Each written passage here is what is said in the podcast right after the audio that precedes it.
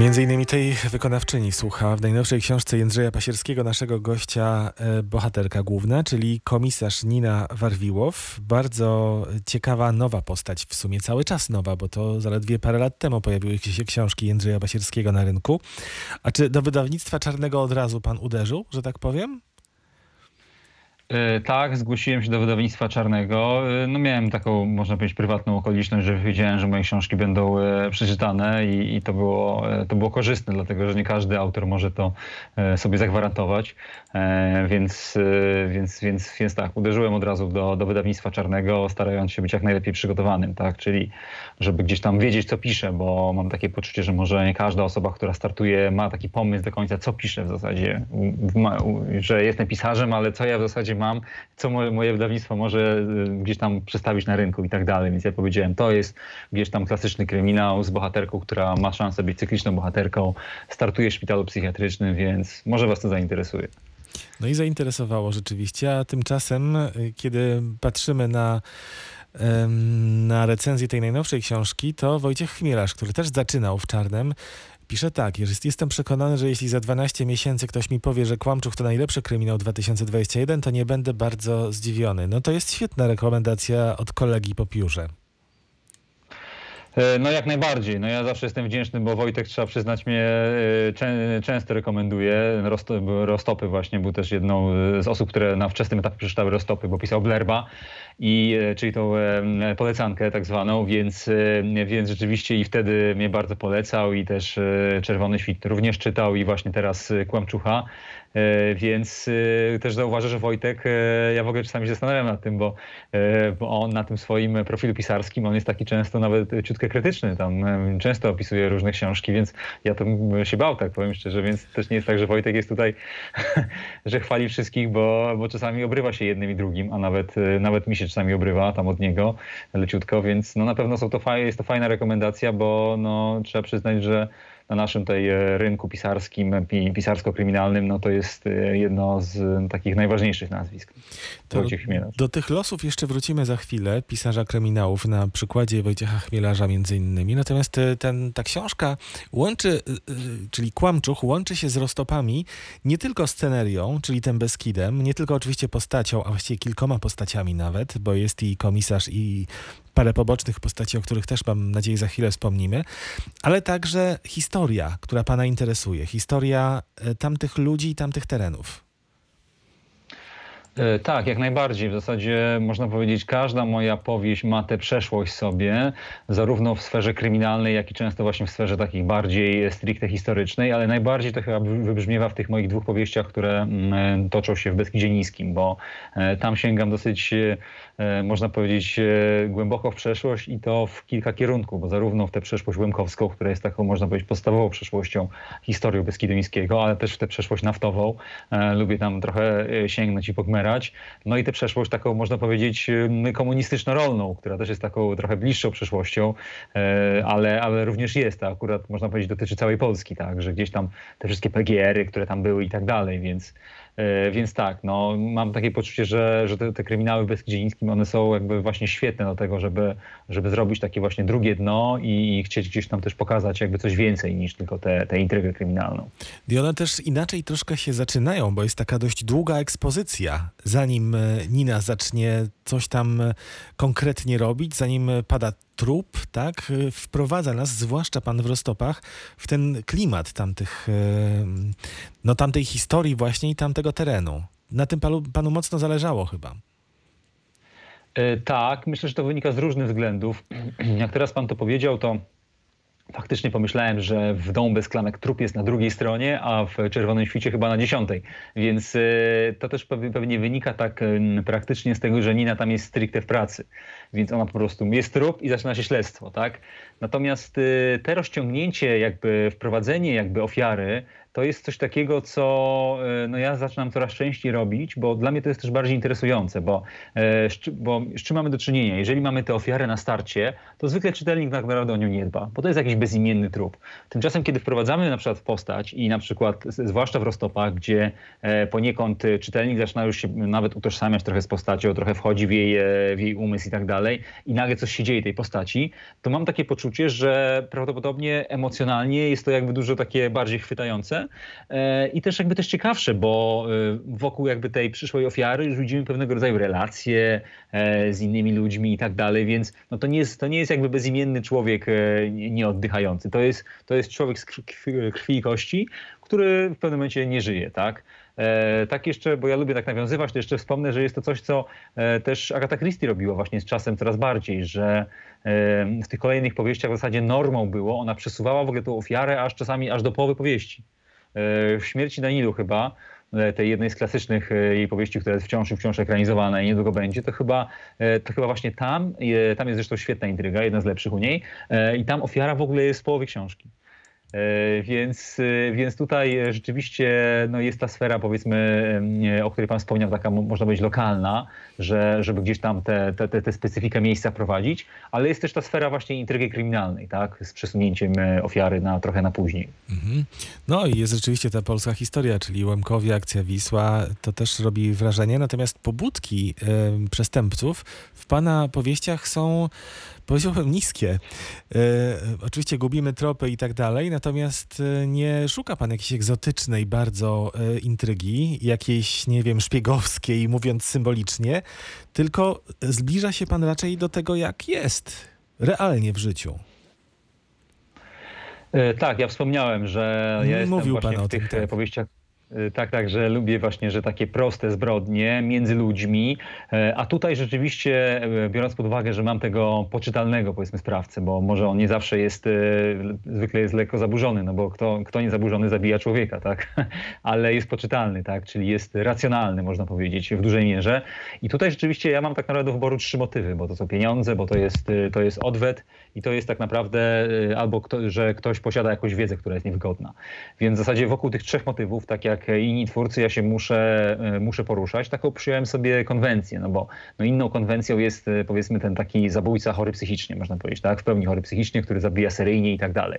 Natomiast dla mnie to jest nieinteresujące, dlatego że to jest jakby sprawca, który jest nieracjonalny. Ja nie jestem w stanie do końca zrozumieć jego psychiki, no bo to zawsze jest takie wymyślanie, że ktoś morduje z jakiegoś powodu, bo, bo coś tam, tak? No takie przypadki również były, ale ale w zasadzie dla mnie zawsze ciekawszy jest ten sprawca, który włącza myślenie w swoje działanie, czyli też stara się zatrzeć tropy, stara się ukryć, stara się zamydlić swoją osobę wokół e, e, powiedzmy innych podejrzanych czy w środowisku, e, czyli no, no ten sprawca, który, który potrafi też być blisko bohatera czy śledczego, to jest, to jest taki właśnie, właśnie najciekawszy, najciekawszy sprawca. Zarazem muszę też powiedzieć, że tak sądzę przynajmniej, że jest to mm, taki koncept jest najtrudniejszy do realizacji. Dlatego, że jakbym miał wymienić jedną najtrudniejszą rzecz w pisaniu powieści kryminalnej, to jest to właśnie sprawca. To znaczy sprawca, który jednocześnie ma dobry, wiarygodny motyw, e, a z drugiej strony jest nie do wykrycia przez czytelnika. No tak. To jest pojedyncza, najtrudniejsza rzecz w powieści kryminalnej. Tak, sprawca rzeczywiście jest bardzo ważny. Jest ważna przestrzeń, miejsce. Czas może mniej, ale to zależy. Jak się pisze retrokryminał, to jest bardzo ważne. Natomiast y, oczywiście bohater czy bohaterka, ale nie wolno nie dopieszczać tych postaci pobocznych, bo Nina w pana książkach jest y, solistką, rzecz jasna, ale w jej kręgu są osoby, które y, no, poznajemy i też y, wydają nam się nieoczywiste oczywiste na samym początku, a nagle się okazuje, że, że mamy woltę. W Kłamczuchu na przykład y, ten nadkomisarz Karpiuk jest już trochę przedstawiony z innej strony. E, Tak, to prawda. E, W Rostopach można powiedzieć był pewnym, pewnym antagonistą, e, natomiast tutaj jest trochę jego inna rola. E, No trudno, żebym... e, Po pierwsze w Rostopach on miał pewną konkretną motywację, można powiedzieć pewne szaleństwo go ogarnęło i e, nie chcę już tutaj wchodzić w szczegóły, bo nie wiem, czy wszyscy tutaj czytali Roztopy. E, natomiast można powiedzieć, że był człowiekiem, który, który nie do końca działał racjonalnie, był trochę zaślepiony. Natomiast tutaj powiedzmy, że jest spokojniejszy, e, pewne kwestie sobie uregulował i w zasadzie też trochę inaczej podchodzi do Niny Warwiłow. No też trudno, żeby para gdzieś tutaj moich głównych postaci się kłóciła cały czas ze sobą. No to e, trochę, trochę fantazji powinienem wymyślić trochę inne osoby, z którymi się mogą kłócić, tak? Nie, nie ci sam, nie, nie ta sama dwójka. Tak oczywiście żartuję, natomiast, natomiast też chciałem tego Karpiłka przedstawić trochę z innej strony, bo w ogóle mm, miałem takie poczucie, że ja chcę wrócić do tej postaci.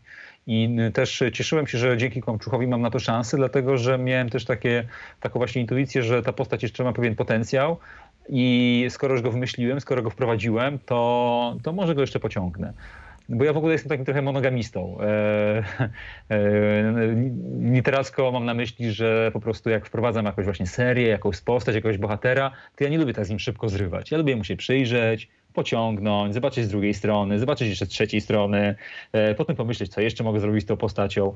E, no stąd jakby ten powrót e, nadkomisarza Karpiuka.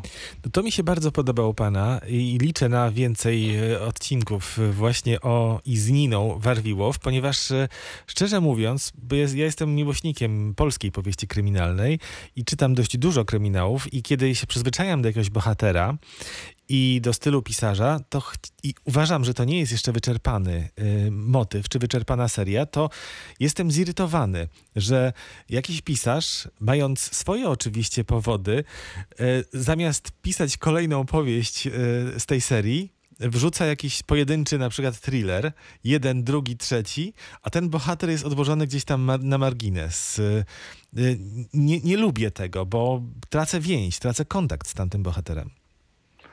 No więc ja też tak sądzę, że e, czytelnicy tego nie lubią, dlatego postępuję, można powiedzieć, trochę tak jak pan, e, pan, e, pan lubi, bo właśnie buduje tę postać trochę na dłużej.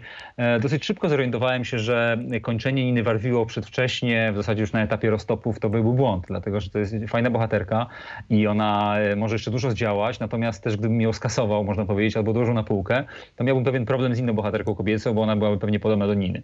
Więc skoro już stworzyłem bohaterkę, z, która też spotkała się gdzieś tam z uznaniem czytelniczym, no to dlaczego mam ją od razu sobie, sobie psuć, utrudniać życie?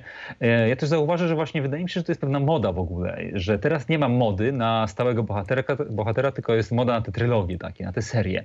Pisarze mają po ileś serii. Ja mam jedną serię, ale niektórzy mają po trzy, cztery i pięć pewnie nawet. I, i, i, i te serie tak jakby produkują seryjnie.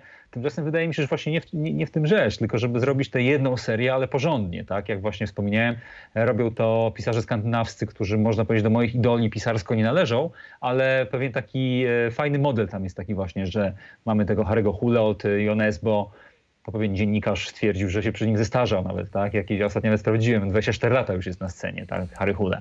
E, mamy tego Walandera oczywiście, teraz e, nawet tam Netflix w ogóle odświeża tę postać, e, wprowadza młodego Walandera, co uważam oczywiście za błądne, ale, ale, ale gdzieś tam też e, tych postaci jest też więcej, tak?